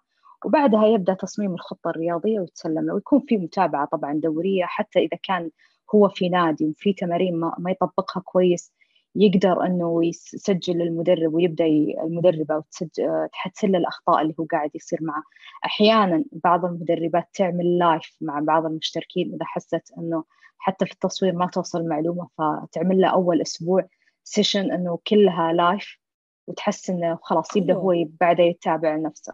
وحنا حتى حتى عندنا باقات خاصة في ال live session تنطلق. يعني حيكون كلها تدريب live مو مش جدول ويستلمه. لا اللي حاب هو live session يحس إن نفسه أريح. حتى عندنا نظام كلاسات حيكون في تدريب كلاسات آه حلو. مختلفة حنطلقها حيكون لها كيف كيف نادي داخل بيتك حيكون موجود. إيه. تكون مع أحد حلو. م. ما شاء الله. يعني بالضبط. أتمنى لكم كل التوفيق وسعيدة صراحة ننبسط كذا لما نحس يعني خاصة لما نكون في نفس المجتمع يعني تعرفين نفهم بعض ونفهم حالات بعض وظروف بعض. بالضبط. يعني مو دائما إحنا نتكل على أنا بروح آه، يعني أشترك مع آه، شركة ولا أخصائية من برا لا بالعكس لما يكون في أحد قريب مني حيستوعب الظروف والمشاكل اللي أمر فيها بشكل أفضل. ف فعلا ترى حقيقي أصلا أي شيء أنت تدرسينه حتى الحين في طابع العمل كشكل أي شيء لازم ندرسه بناء على المجتمع. ما أقدر أفرض على مجتمع طريقة حياة مجتمع أخرى وأقول لهم التزموا فيها. صعب جدا ما تقدرين. لازم يكون شيء قريب لحياتهم حتى هم يقدرون يستمرون فيه. طيب عندك تجربة مع فريق Team Boss Team Boss Team Boss حكينا عن Team Boss طيب آه، Team Boss هذا حساب المدرب اللي أنا مشتركة معاه اللي هو الكابتن عبد الرحمن الشيخ آه خليني أقول تحية له طبعا. هو من الأشخاص اللي كان لهم دور جدا كبير إنه حببني في هذا المجال. آه كابتن عبد الرحمن أنا تابعه من زمان يمكن من عام 2013 آه 2013 yes. آه كان مرجع بالنسبة لي كنت أسأله كثير ويجاوب. يعني شخص ما شاء الله تبارك الله جدا متعاون. يعني أي سؤال تطرحينه كان على طول يجاوب. لفتني ما شاء الله ثقة الناس فيه. يعني من الأشخاص اللي كنت أتابع حساب ألتفت الناس الشباب ما شاء الله هو طبعا من الكويت وأهل الكويت كلهم على راسي. كنت أتابع أشوف ما شاء الله ثقة الشباب فيه هناك والبنات مو طبيعية مع أنه كان في سننا وكذا وعرفتي يعني من الفترة اللي كان حتى هذا التدريب بالنسبة بالنسبة لي أنا جديد ممكن ما شاء الله الكويت من زمان بادين في هذا المجال ما يعتبر بالنسبة لهم جديد. بس لفت انتباهي إنه ذمته وضميرة كيف؟ آه ثقة الناس فيه جدا عالية. يمكن بعد سنتين أو ثلاثة والله مو فاكرة المهم بدأت هنا عام 2019 مدري 18 أتوقع 18 قلت له أنا بدخل أتمرن معك إنه كتصير أنت مدربي ودخلت فعلا معه إلى الآن وأنا معه. يعني من الأشخاص اللي فعلا آه تدريب مختلف آه تكسبين منه ثقافات كثيرة. فالمدربين هناك عندهم يسمون يسمون أنفسهم teams اللي هو teams مين العملاء أو خليني أقول لك المشتركين اللي عنده أو أبطالهم اللي معاهم يسمونهم فريقه. يعني من كثر ما هم يحبون الأشخاص اللي معاهم حلو. في التدريب يسمونهم فريق ما يسميكي مشترك أو زي ال community أكثر مما انه علاقة yes. رسمية. أيوه. فخلاص إحنا اللي ظلينا معاه سنوات طويلة آه، فتشوفين كلنا حاطين في حساباتنا إنه ضمن Team Boss في عندي استفسار الآن يمكن لاحظته كثير مد... آه، صار منتشر ما بين المدربين إنهم ياخذون آه يكونون مع مدربين. أيوه. طيب. آه إيش رأيك بهذا الشيء؟ خاصة كتجربة. يعني كمدرب ياخذ كمان مدرب. okay. شوفي أول انت ذكرتيني بأول ما أعلنت إني دخلت مع كابتن عبد الرحمن واجهت مشكلة كانت ما في كان الناس وقتها مو متقبلين المدرب يدربه مدرب. وأتذكر إلى الآن لما قلت له please اتكلم في حسابك عن هذا الموضوع لأنه فعلا تجيني تعليقات سيئة لدرجة تقوم يشككونك إنك أنت مدربة مو كويسة وأنت ليش تروحين عند مدرب؟ هو الموضوع بعيدا عن كل هذا الموضوع. أنا عندي عدة أسباب خلتني أدخل مع كابتن عبد الرحمن. السبب الأول ضيق الوقت عندي. يعني من كثر ما أنا أدرب ناس وأراقب موظفين وكمان أداوم في الشركة فكان صعب جدا علي إني أراقب نفسي إني أعمل لي نظام وأستمر فيه. يعني ضغوطات جدا. أنا أحتاج شخص الحين يتابعني. عشان أرتاح من من هذا الجانب وأبغى شخص لأنه أنت لو تتركين نفسك مع ضغوطات الحياة صدقيني راح أخرب. ما راح أقدر ألتزم فترة طويلة بسبب لكن لما يكون في تحتاج أحد to keep you accountable أيوه. لما يكون شخص وراك خلاص إنه خلاص كل شيء آخذه من عنده جاهز يتابعني ومن إلى. النقطة الثانية كنت أبي أكسب منه خبرة كثيرة يعني الشخص من الناس اللي أثق فيهم معلوماته. فلما دخلت معاه كنت أبي أكسب من خبرته طريقته في التدريب كيف ينظم الجداول الغذائية كيف يسوي هذه. وفعلا كسبتها معاه كثير يعني. كل مرة يصدمني بمعلومات جديدة. وهذه هي الأسباب اللي كانت تخليني إنه أحتاج شخص معي وأحتاج إني أكسب خبرة من شخص. يكون بعلمك ترى كثير مدربين يدخلون مع مدربين مو عشان هو يحتاج مدرب. كثر ما هو بيكسب ثقافة مختلفة أو مدارس مختلفة. المدربين أحيانا يكون مدرسة تكسبين منهم معلومات جديدة مختلفة. فتشوفين المدربين داخلين مدرب مع مدرب ثاني مو تقليلا منهم أو هو ما هو يقدر لنفسه بس هو يبي يكسب خبرة مختلفة طريقة تغذية مختلفة أفكار جديدة. فعشان كذا هم يدخلون مع بعض ويدربون بعض. ترى هذا ذكاء أنا أعتبره يعني. إنه كل شوي تدخل ما تكسب منه طبعا بالأخير لازم تختار المدرب الصح صراحة. الواحد يكون واقعي يعني أنت الآن بزحمة الحياة عندك أكيد واقعيا إنه أنا حهمل جوانب فبالعكس لما أنا أبغى أكون مع مدرب ثاني يخليني آه، زي ما تفينا تقول لا أخاف لازم أسوي عشان بروح بسجل عنده ولا بعطيه إنه أنا سويت ولا لا. بالعكس هذا يندلدل على آه، قوة تعلقك بالمحافظة على هذا الأسلوب. وإنه هذا الاسلوب بالحياة أو الحياة الصحية بالنسبة لك جدا مهمة. أيوه إحنا مشكلتنا في المجتمع إنه يحسبون الشخص إذا كان متخصص خلاص هو ما يحتاج ما يحتاج شخص في نفس المجال خلاص. الطبيب هو طبيب إذا مرض وين بيروح؟ بيروح لطبيب ثاني ما راح يعالج نفسه. المبدأ إحنا كمدربين لما تكونين مضغوطة وتحتاجين بعض المدربين ترى ما يكون عنده ضغوطات بس زي ما قلت لك يبغى يكسب خبرة فيروح يدخل مع مدرب عشان يكسب منه خبرة أو مدرسة جديدة يتعلم منها. فأنا كان عندي الجانبين إني أبي أتعلم الشخص وكمان أبي أبي أحد يراقبني إن طبيعة حياتي صارت ضغط عالي فما أقدر أنا أعطي نفسي وقت. ليش مهم الواحد يستثمر مع مدرب؟ خاصة مثلا كواحد بادي أو متوسط يشترك مع مدرب. okay. آه شوفي الاستثمار في النفس وهذه حلوة الكلمة اللي قلتيها هو تستثمر في نفسك فعلا. ليه؟ لأن أنت لما تدخل مع مدرب تتعلم. مو بس إنه أنا انحف وانزل وزني ولا أزيد وزني ومن إلى لا. أنت قاعدة تتعلم يعني آه السؤال لما تسأله يجيك جواب عليه. آه التغذية تتعلم كيف ترتب غذائك. آه حتى كثير ناس تتعلم كيف تتعامل مع نفسها نفسيا وقت الضغوطات مع الأكل. يعني أواجه كثير بنات وقت العصبية وكذا وإذا توترت تخبص في الأكل. فأعطيها خطوات معينة تعملها حتى تسوي كنترول على نفسها. هذه من الأشياء اللي هم يتعلمونها. كمان ثقافيا زي ما قلت لك تعليم آه هو يعرف لنفسه. الحين كثير مشتركين. يا هبه ليش ليش أنا بسألهم هم نفس السؤال؟ ليش أنت تروح تشترك مع مدرب؟ هو بيقول لك الجواب يقول لك أنا صراحة أشترك مع مدرب أبي أتعلم كيف أنظم أكلي أبي أتعلم إيش الجوانب اللي أنا أحتاج إني أهتم فيها حتى أوصل هدفي أبي أتعلم كيف أتمرن صح أبي أتعلم حتى بعضهم تقول لك أبي أتعلم كيف أسوي التحميل بالأوزان كيف أتعلم هذه الخطوات. كيف أعدل على جدولي. يعني تدريب مو بس إنه عشان جسمك حتى هم يكتسبون لأنه مو طول عمرك حقيقة مو طول عمرك بتكون تدفع المدربين. يعني أنا ودي كل المشتركين يطلعون من عندي خلاص يقدرون يستمرون لوحدهم ما يعتمدون على المدربين طول عمرهم.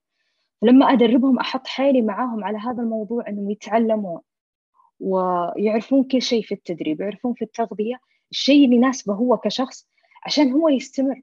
وفعلا هذا لاحظت فيه عدد كبير يعني يسافرون ويرجعون لي محافظين يقطعون فترة ويجوني بنتائج أكبر من اللي كانوا فيها أول.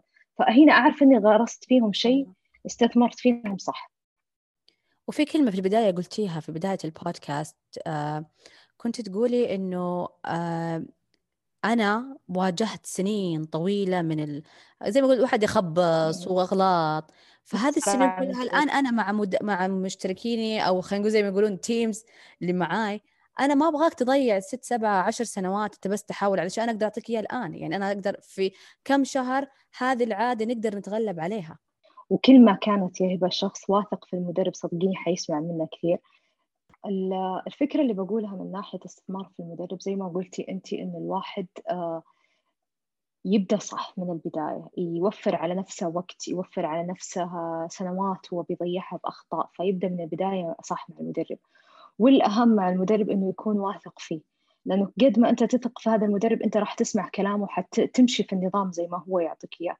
فأكبر خطأ أشوف عند بعض الأشخاص إنه يدخل مع مدرب هو مو واثق فيه فيصير في محاولة إن المدرب يقنعه فيضيع الوقت إنه أحاول أقنعه أعطي وآخذ معه. فادخل مع المدرب اللي انت تثق فيه وترتاح له و... والله يوفقك. إن شاء الله توصلون اللي تتمنونه أكثر. يا رب. طيب حنجي الحين نتكلم على موضوع أكثر ثلاثة خرافات أو معلومات دائما تمر عليكي غلط. أعطينا أكثر ثلاثة. أوكي. في معلومات يعني أنا مستغربة إنها للحين موجودة وللحين تجيني عليها استفسارات. مثلا عندك أول معلومة شرب الموية أثناء التمرين يسمن. هذه إلى الآن تجيني عليها استفسارات وكم مرة نقول غلط وللأسف أنصدم إنها كيف بتكمل تمرينك؟ والله ماني ماني عارفة صراحة أنا لتر كاملة خلصونت مره آه في آه الشيء الغريب إنه نقطة ثانية أيوة الأكل بعد التمرين المفروض آكل بعد ثلاث ساعات عشان ما يزيد وزني. استغرب آه، يعني قديم هذه المعلومات يعني زمان كنا نسمعها الحين كثير ناس كثير مدربين ومعلومات رياضية يتكلمون إنه عادي تاكل بعد التمرين. واللي أواجهه إنه للأسف صراحة يا هبة لما أسأل بنت من وين سمعت المعلومة تقول مدربة بنادي. ما أدري إيش أقول صراحة. آه آه خلينا نكون صريحين مع البنات إحنا بنات وعذرا يعني كثير بنات تقول لي كوتش إنه فترة الحيض ما ينفع أتمرن لأنه رحمي يطيح.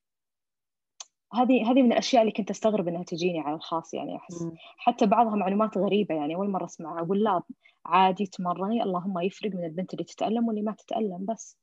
أنا يعني لاحظت تغريد أكثر يعني خاصة في الرياضة نتكلم بالتحديد كرياضة. آه، في في معلومات أو كثير أمور أو آه، يعني تداولونها البنات على مبدأ هذا الرحم. إنه أنا إذا سويت هالتمرين آه راح يكون عندي إشكالية. إذا كان بتشيلي هالوزن في إشكالية في هذا الموضوع إيش تحسين السبب اللي خلى في هذا المعتقد؟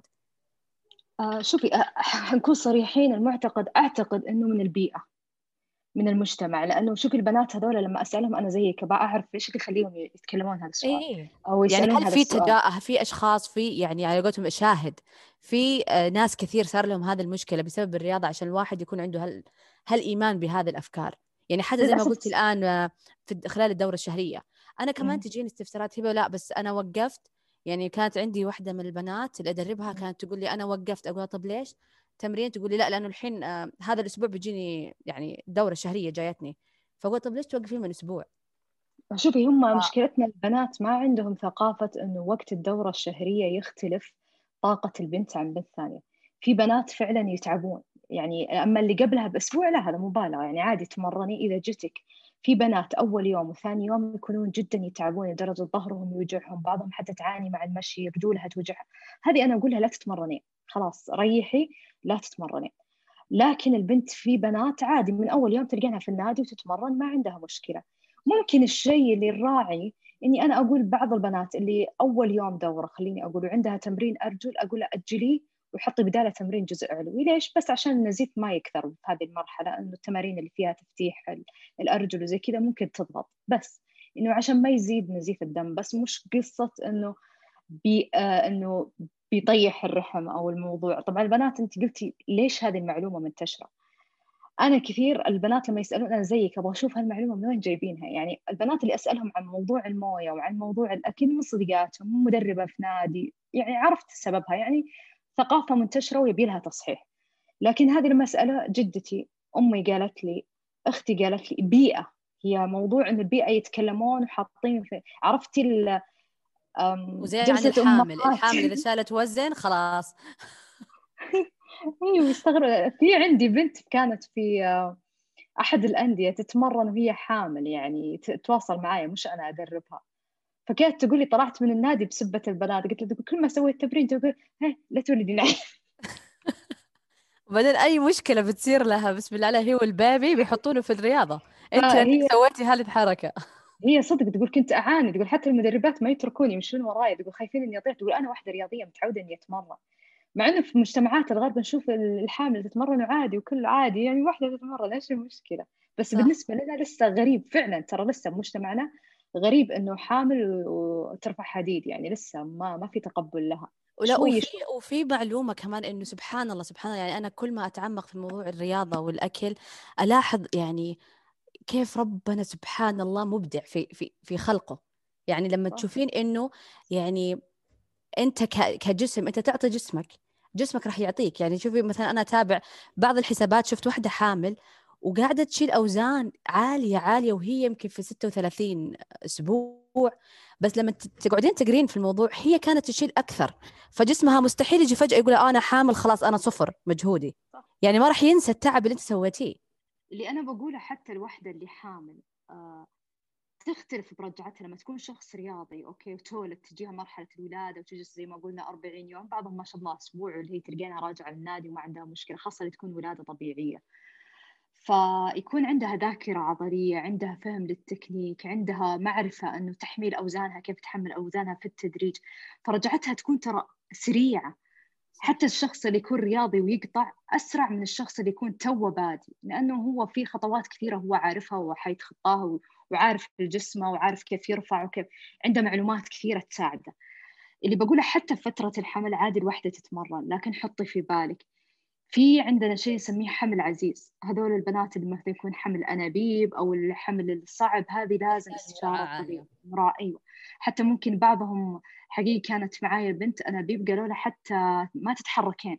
هذه حتى رياضه ما تتمرن ما تتمرن. فأنت لازم على حسب حالتك الصحية تقيسين نفسك. أنت ما عندك خبرة كحامل اتجهي إلى مدربه متخصصة في تدريب الحوامل. لا تبدعين في نفسك ممكن تجيبين نفسك مشكلة لا سمح الله. أو البعض فجأة لأنه يعني يمكن آه، في كم وحدة أعرفها كانت تقول يعني ما كانت رياضية خلال فترة ما قبل الحمل. ولما جاء الحمل تعرفين خوف زياده الوزن اللي يصير عند البنات؟ صح. فجأة تبغى الحين تسوي رياضة. فألاحظ الكثير يقول لا استني. يعني يمكن مرحلة الحمل تحتاج إنه تراعي كيف كنت قبل وتكملي على أساسها. موضوع إنه فترة الكلمة النموذج اللي أنت قلتيه صح ترى يجينا في الشركة كثير إنه ما هي رياضية بس يوم جت تحمل خافت على نفسها وهي جسمها يعني يكون كويس بس يوم شافت وزنها بدأ يزيد وطبيعي وزنك يزيد وقت الحمل. آه بالأخير آه ما تقدرين تقولي شخص تتمرن ولا تتمرن بالأخير ترجعين لدكتورك هو اللي بيقول لك تتمرنين أو ما تتمرنين. يعني إحنا لازم في بعض الحالات نقول جيبي تقرير طبي. ما ندربك بدون تقرير طبي. رفعتي لنا تقرير طبي بتوقيع الطبيب دربناك. غير كذا إحنا ما نقدر نسوي.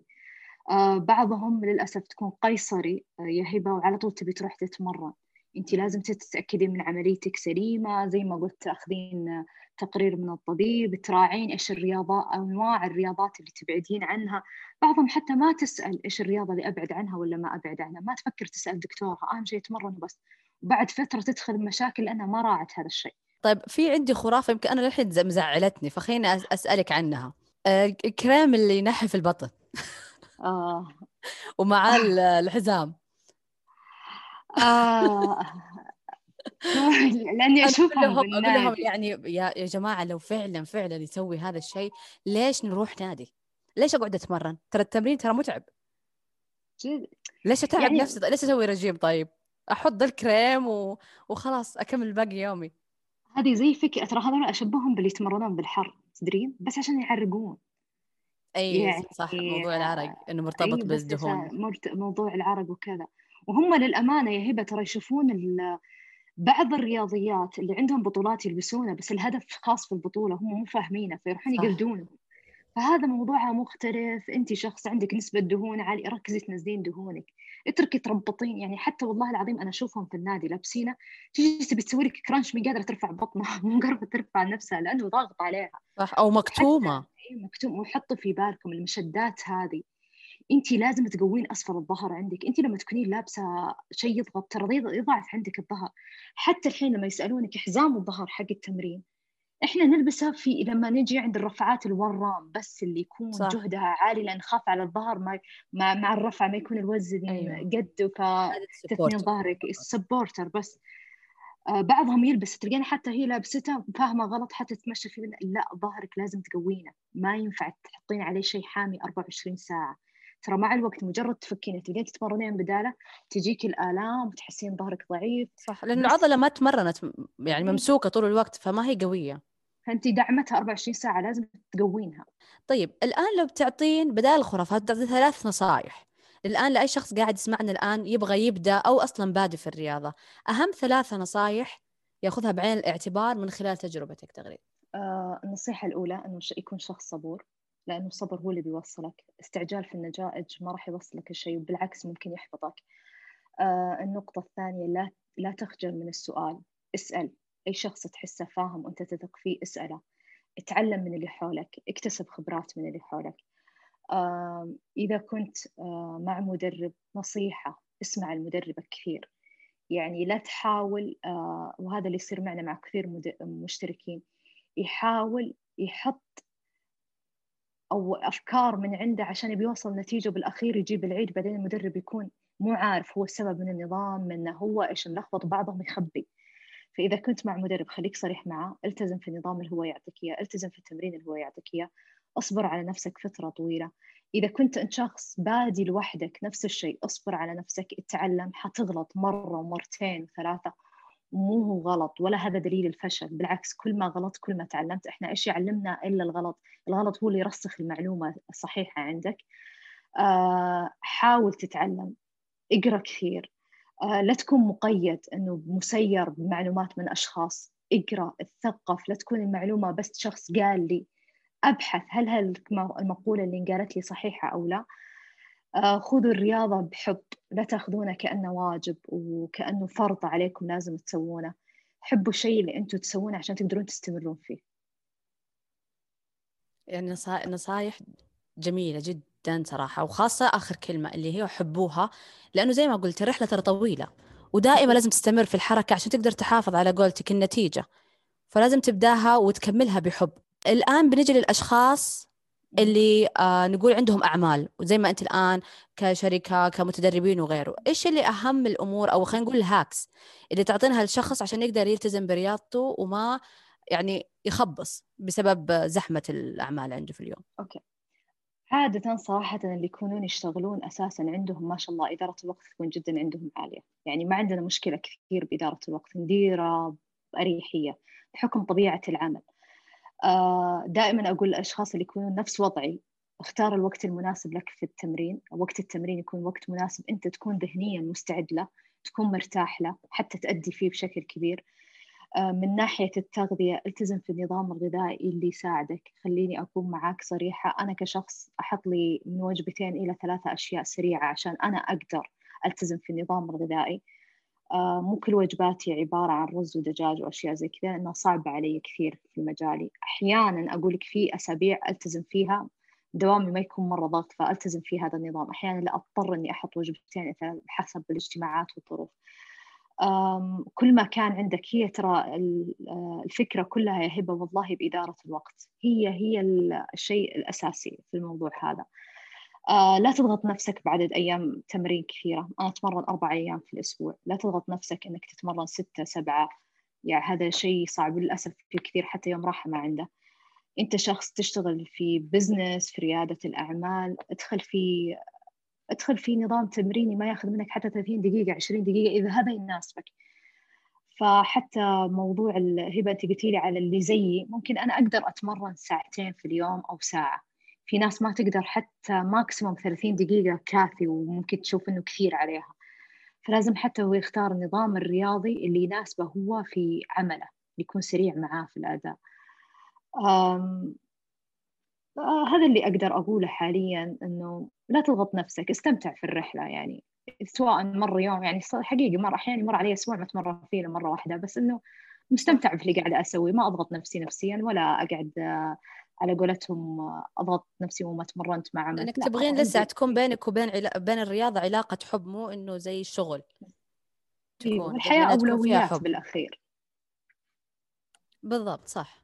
طيب آه نجي الحين لتغريد. هل قد جربت رياضات غريبة غير غير ال weight lifting حكينا. آه شوفي جربت CrossFit أوف CrossFit صراحة استمتعت فيه كثير. كثير كثير. إيش اللي شفتي مميز في ال CrossFit ال CrossFit فيه تحدي. يعني عندك وقت ولازم تل... تعملين هذه التمارين في وقت محدد. آه دخلت فيه كشخصيا أنا لوحدي.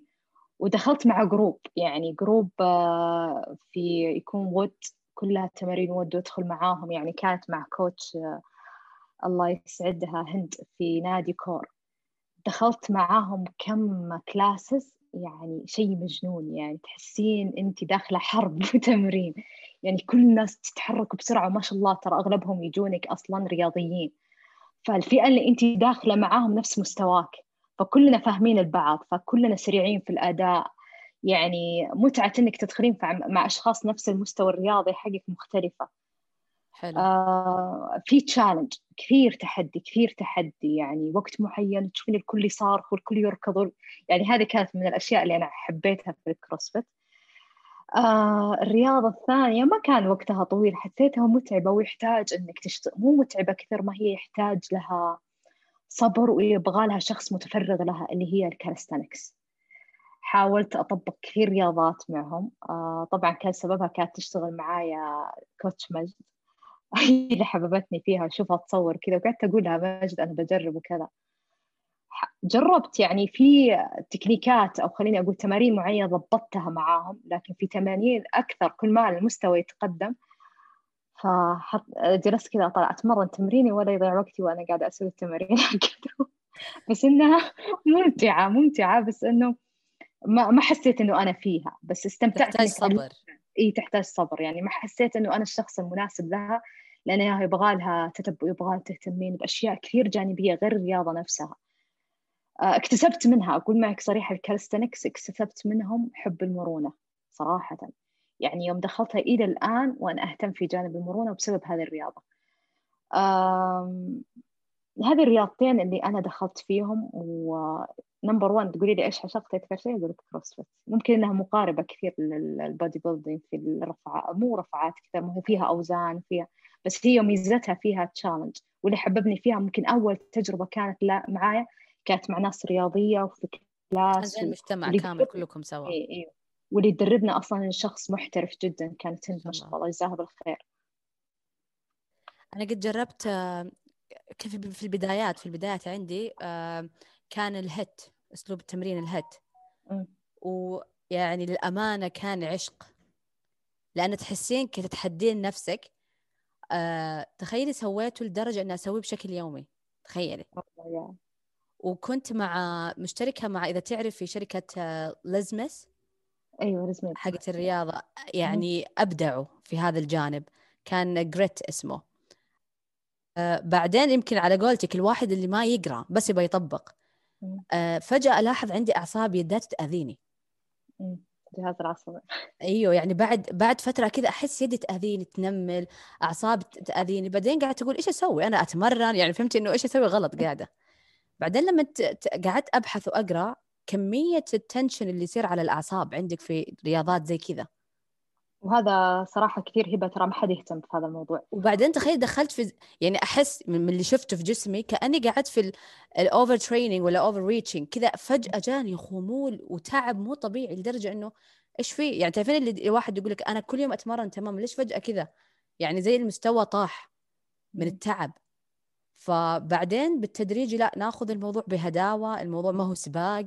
شوفي انت انت قلتي كلمة إنه لو انت ما صار لك هذا الشيء ما كان تعلمتي وعرفتي إنه الجهاز العصبي لازم يرتاح. صح. فما كان جتك هذه المعلومة. هذا اللي أنا قاعدة أوصل للناس إنه مهما مريت بظروف مهما مريت بأخطاء ترى أنت تتعلم من نفسك. يعني كون هنا هبه تعلمت إنها ضغطت على جهازها العصبي من كثر ما هي كل يوم تتمرن كل يوم تتمرن هت عرفت هذه المعلومة. لو ما صار هذا الشيء وفي ناس ترى حقيقي هي بتاخذ الموضوع بشكل إيجابي وتتعلم في ناس تنحبط. يعني في ناس ممكن يصير لها نفس اللي عند اللي صار لك وتعرف هذه المعلومة لكن تبعد وتترك الرياضة ويجيها إحباط وليش أنا ليش أنا صار فيني كذا؟ ليه ما عرفت المعلومة من البداية؟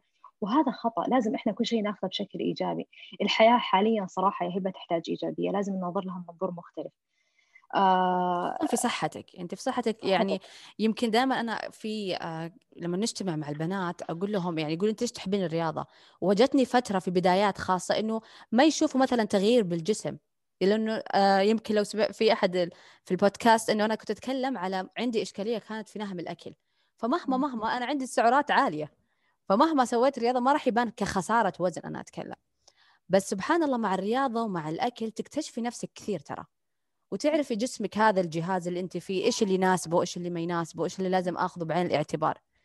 فبالعكس تحس انها رحلة استكشاف ذات. صح. شوف الرياضة ناس كثير للأسف والتعليق اللي أنت قلتيه صحيح لما تقول صديقاتك إنه لا تحبين الرياضة. في ناس يعتقدون إنه الشخص لما يدخل النظام الرياضي أو مع مدرب وات ايفر يحسبون إنه بس عشان ينحف ولا عشان يشكل جسمه وعشان يبني جسمه. بالضبط. الفكرة ترى آه والله أبعد من كذا. اللي دخل جانب الرياضة ودائما أنا أسألهم إيش اللي اكتسبته؟ كثير تجيني تعليقات ينسى موضوع إنه عشان جسمه. اللي تقولي والله شخصيتي تغيرت وفعلا هبة. هذا عاشرت ناس.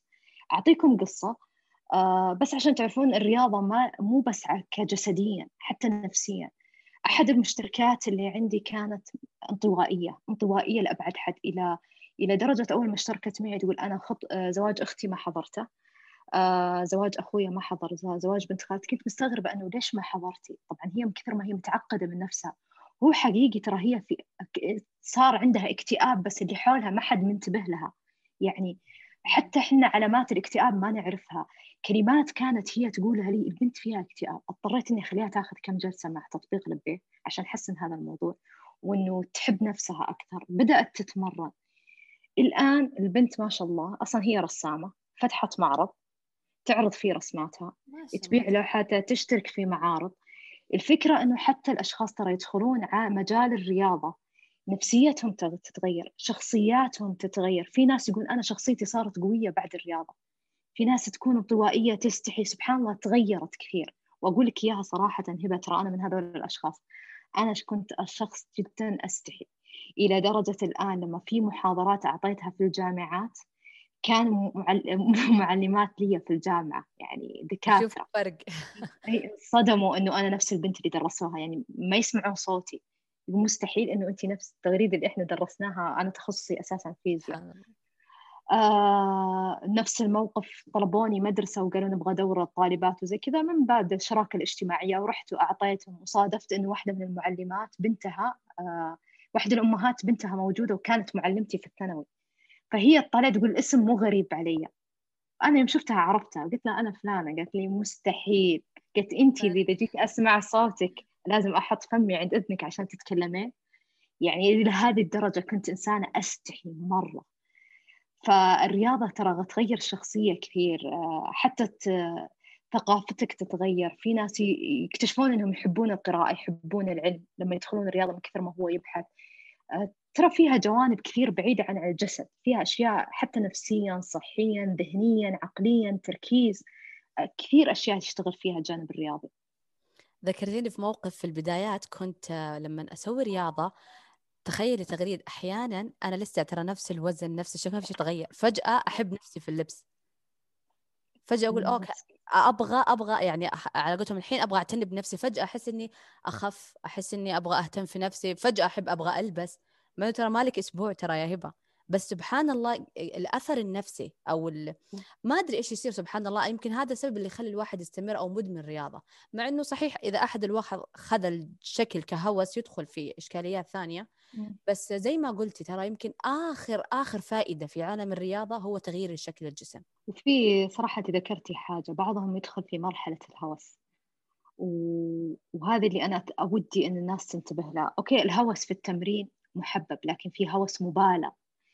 يعني في تجيني نماذج إلى درجة تخاف يزيد وزنها تخاف يروح عليها يوم تمرين. إذا ما تمرنت يعني أعطيك نموذج بنت كانت تتصل علي تبكي. ما تمرنت. قلت إذا صار تروح تنقص ال calories حقها في اليوم اللي متمرنت فيه له عشان تخاف. يمكن أنا شوفي أنا أتقبل من اللي تنقص من ال calories أقولها تتصرف يعني إنه تستخدم أسلوب استعارة أو استبدال سعرات whatever يعني تتصرف بطريقة سليمة. لكن توصل مرحلة إنها تبكي هنا لا مشكلة. أنا ما أبغاها توصل هالمرحلة. وفعلا ترى ترى شوف لهذا الشيء؟ لأنه بيصير فيه stress عالي عليها. الصراحة أنا كمدرب أنا تعبت نفسيا معاها. بكون معك صريحة أنا تعبت نفسيا معاها. يعني كيف كيف هي كانت تضغطني نفسيا أنا ما أبغى توصل هذه النتيجة. وما أبغى أكون يد لهذا الشيء. فهمتي كيف أنت تضغطين على نفسك من جهتين؟ إنه أوكي هي واثقة فيني وحابة وإنه بس أنا ما أبغى أقول لها اتمرني حتى يزيد عندها كلمة إنه هي تاخذها بأسلوب إنه الكبح النفسي إنه لازم أروح أتمرن. لا لدرجة كانت تقول لي إنه آه مثلا إذا دوامها طول عادي تسحب على الدوام تروح لا في أولويات في الحياة. يعني في ناس ترى توصل معاها لهذا المستوى. في ناس تترك وظيفتها عشان والله ماني قادرة أتمرن بسبب الدوام الطويل. وهذه تصرفات جدا خاطئة. يعني زي ما إحنا نتكلم على الجانب الرياضي من إيجابيات ترى في ناس ياخذونه بطريقة هوسية اللي تسبب سلبية سي... سيئة جدا في الحياة. فلا ترى الحياة ترى توازن في كل شيء في الأكل في الشرب في النوم في ال... في حياتك الاجتماعية مع العالم. فما بالك مع التمرين. صح. ولازم تراعي حياتك الاجتماعية سواء كانت مسؤوليات أو غيره يعني. صح. أحيانا في البنات اللي مثلا مرة كنت أسأل سؤال في الإنستغرام مع البنات وأقول لهم إيش السبب اللي يخليكم مثلا آه، توقفوا الرياضة؟ تقول لك مثلا أنا عشان يعني الجانب يعني المكان البيئة آه، عندي أطفال عندي وظيفة. فسبحان الله كذا يعني أنت تحتاج تراعي الاثنين سوا. ما في يعني مو لازم أنا أغير حياتي كلها عشان أقدر أتمرن ومو لازم أنا لازم آه يعني إلا التمرين يكون جزء من حياتي وأنا أفقد هذا الجانب الثاني حياتي الاجتماعية. فصعبة بس الواحد لازم ياخذ هذه اللخبطة على قولتك ويتعلم منها. صحيح. يعني شوفي إحنا ما جربتي موضوع ممكن إنه ما أكون الشخص المناسب اللي أتكلم عن هذا الموضوع بما إنه يعني ما تزوجت ما جربت حياة الأمومة ما جربت هذه الأشياء. يعني في في في أشياء أحيانا أحتاج شخص مثلا ممكن هو نفس مجالي وهي نفس الأم وعندها ممكن هي عندها أسلوب مختلف في إدارة يمكن تفيد أكثر بهذا البنات اللي من هذا صح يفهموا طبيعة مسؤولياتهم. طبيعة مسؤولياتهم. لكن حقيقه عندي بنات أصلا متزوجات وعندهم أطفال ما شاء الله بعضهم عندهم ستة خمسة. فسؤالي يعني واحدة من البنات اسمها سوسن. سوسن دائما أتكلم عنها وأمدحها. يعني هي أم عندها أطفال وما شاء الله ما تترك تمرينها. من الشخص المتجاوب والمتابعات في الوقت. فدائما أشوف ما شاء الله عندها ترتيب لوقتها مع أطفالها مع حياة. فأرجع وأقول الموضوع كلها إدارة وقت. أحيانا ممكن الوحدة لما تقول أنا ما عندي وقت لما تجلس بينها وبين نفسها تكتشف إنه في أشياء كثيرة تضيعها في يومها بدون فايدة. ما لها فايدة. طب أنا لو تمرنت فيها إيش ضرني؟ يعني حقيقي يا هبة إحنا لو نبي نحسب كل ساعة في يومنا ترى تطلع لك بأربع خمس ساعات تكتشفين راحت كذا ما سويت فيها ولا شيء. يعني كمثال مثلا أنا العصرية تقول لك أنا لا العصر اللي أقعد مثلا قهوة ولا أتفرج مسلسل ولا أبغى أنام في هذا الوقت. فهي ما تبغى تغير روتينها ابدا فتشوفين يومها كله فيه أشياء. فتقولي كيف أدخل الرياضة؟ طب أنت تحتاجي شوي تتنازلي عن بعض الأمور اللي تعتبر رفاهية فهمتي؟ مو من الأساسيات. يعني مثلا مو لازم أنا هنا اليوم مثلا دائما أقعد أرتاح في هذا الوقت أو هذا الوقت لا دائما أبغى اطلع عشان تدخلي شيء جديد في حياتك وتتغيري تحتاج شوي توزعي أمور ثانية. يعني شوية على قولتك جدولة الوقت يمكن هذا اللي صعب على الكثير. صح وهذا أنت من هذا المنطق ذكرتيني بواحده سألتني على الخاص قالت لي كنت وقتها والله طالعة كفي مع أهلي وصورت. قالت لي كيف أنت تلقين وقت تتمرنين وتداومين وتدربين الناس وتروحين مع أهلك وتطلعين؟ طيب هذه الحين نتكلم عنها إنه تدير وقتك صح. لا يعني إنه أنا أتمرن معناته مالي حياة. ولا يعني إني أنا أداوم مالي حياة ولا يعني إني عندي ضغوطات في حياتي إني أهمل أهلي أهمل بيتي ما أنا أقدر هذه الأمور. لا الحياة لازم يكون فيها وسطية في كل شيء. يعني لازم أنت. وزي ما أنت قلتي فعلا ترى بعضهم يروح وقتها يتابع مسلسل. أنا ما أنا مو ضد تابعي بس ما يكون اليوم كله ما يكون ثلاث ساعات أربع ساعات. ترى إحنا كلنا ليه كلنا ترى يومنا 24 ساعة؟ الفرق بيننا أن نقدر نوزعه بالطريقة الصحيحة بين المتعة بين التمرين بين العمل بين المذاكرة وفي وفي كثير ناس تدرس وتداوم وتتمرن وتطلع مع أهلها وهم زينا ترى بنفس الكوكب 24 ساعة بس الفرق أنهم مرتبين أوقاتهم. صح أنا في كم شخص يمكن في كتاب قريته اسمه إذا تعرفين ال 5 AM Club آه كانوا يتريقوا علي قالوا يعني تبي تجيبي كتاب عشان صحيك الساعة خمسة طب حطي منبه يعني. تدفعين 80 ريال على كتاب ليش؟ هو يعلمك عادات. فكرة الكتاب والله العظيم جربته فترة يعني يمكن الآن ما أطبقه بس والله تغريد كل مرة أقول لازم أرجع لازم أرجع أرتب أموري زي ما كنت. كان يقول الفكرة إنه صحتك النفسية علاقتك مع ربك آه، علاقتك بينك وبين نفسك أنت تبى تطور حاجة في حياتك وصحتك. هذه الأمور قد تهملها بسبب آه، زحمة الحياة وإنه في أشياء كثيرة تبى تاخذ منك طاقتك. فأنت ما تقدر تلوم غيرك تقول لا لو هم وقفوا لو هذول سووا لو انت أعطيتوني وقت. قال أنت اصحى قبل الحياة ما تصحى. قبل الحياة كلها ما تصحى اصحى على الساعة خمسة أعطي نص ساعة أو 15 دقيقة كان يقول أعطيها لرياضتك عشان صحتك اعطيه 15 دقيقة ثانية تقريبا ل يعني تكلم مع ربك أقعد كذا يعني خلينا نقول spiritual time تمام؟ و 15 دقيقة ثانية أو نص ساعة ثانية تعلم فيها عشان تتطور أنت في في مهنتك أو في يعني الشيء اللي قاعد يدعمك ماديا. فتخيل أنت في نص ساعة أو في ساعة قاعد تهتم في صحتك وفي دينك وفي نفسيتك وفي مستقبلك وما تلوم غيرك. بعدين خلاص باقي يومك خلاص خليه للالتزامات وللناس. وفعلا ترى الكتاب اللي أنت تقولين فعلا أنا اطبقه في حياتي. أنا جربت لما كنت أواصل عشان شغلي وجربت لما كل يوم أصحى الساعة أربعة ونص. فرق. يعني سبحان الله لما تبدأين من بداية اليوم كيف اليوم في بركة الصباح في بركة ما ما تتخيلينها. تنجزين أشياء كثيرة وتطلعين لسه الساعة عشرة. تنجزين أشياء كثيرة وتطلعين لسه ما جت 12 يعني صحية الصباح فيها حتى سبحان الله تحسين فيها انتعاش. تصحين مع الصلاة تتعب بعدين تصحين حتى تسوين الكارديو في وقت تسوين كار... يعني أنا أول كنت زمان وأهملت فيها هذا الجانب ما صرت أصور زي زمان. أول كنت دائما أصور لما أصحي الساعة مثلا بعد الصلاة على طول تشوفيني أسوي كارديو وأروح بعدها شوي أجلس بعدين أروح المكتب. أكتشف الوقت فيه كثير جربت أنا حياة إنه البهدلة اللي ما فيها وقت وما في التزام في حياة يعني عرفتي ما في وقت محدد تقومين فيه ساعة تقومين عشرة ساعة تقومين. وجربت إني أصحي مرة بدري. حياتي اللي كنت أصحي الساعة أربعة ونص مستمرة فيها إلى الآن. شفت فيها فرق كبير. ما شاء الله. وما عندي استعداد أتنازل فيها. صراحة فيها تنظيم للوقت مو طبيعي. يعني لو أحد يجرب فعلا لو تصحى الساعة ستة ممكن ما, ما أنت محتاج تصحي. كل شخص في ناس قوم برا بدري الساعة أربعة ونص. لكن فعلا أنجز فيها أشياء. يعني ممكن أنا بالنسبة لي أربعة ونص مناسب بحكم إني أداوم. فأصحي على بال ما تصلي على قلتي إنه وقت ربك وهذا فعلا اللي الله يعفينا كثير ننسى هذا الموضوع. وال cardio تسويه يعني أنا من النوع لازم الكارديو على الريق أسويه.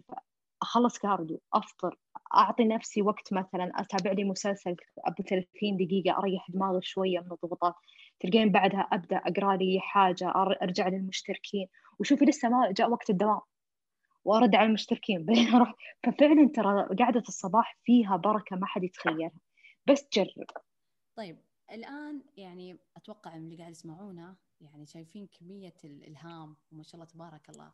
يعني من الشخصيات اللي تستحق المتابعة والاشتراك كله الله يسعدك آه كل آه وين يقدروا يتابعوك المستمعين؟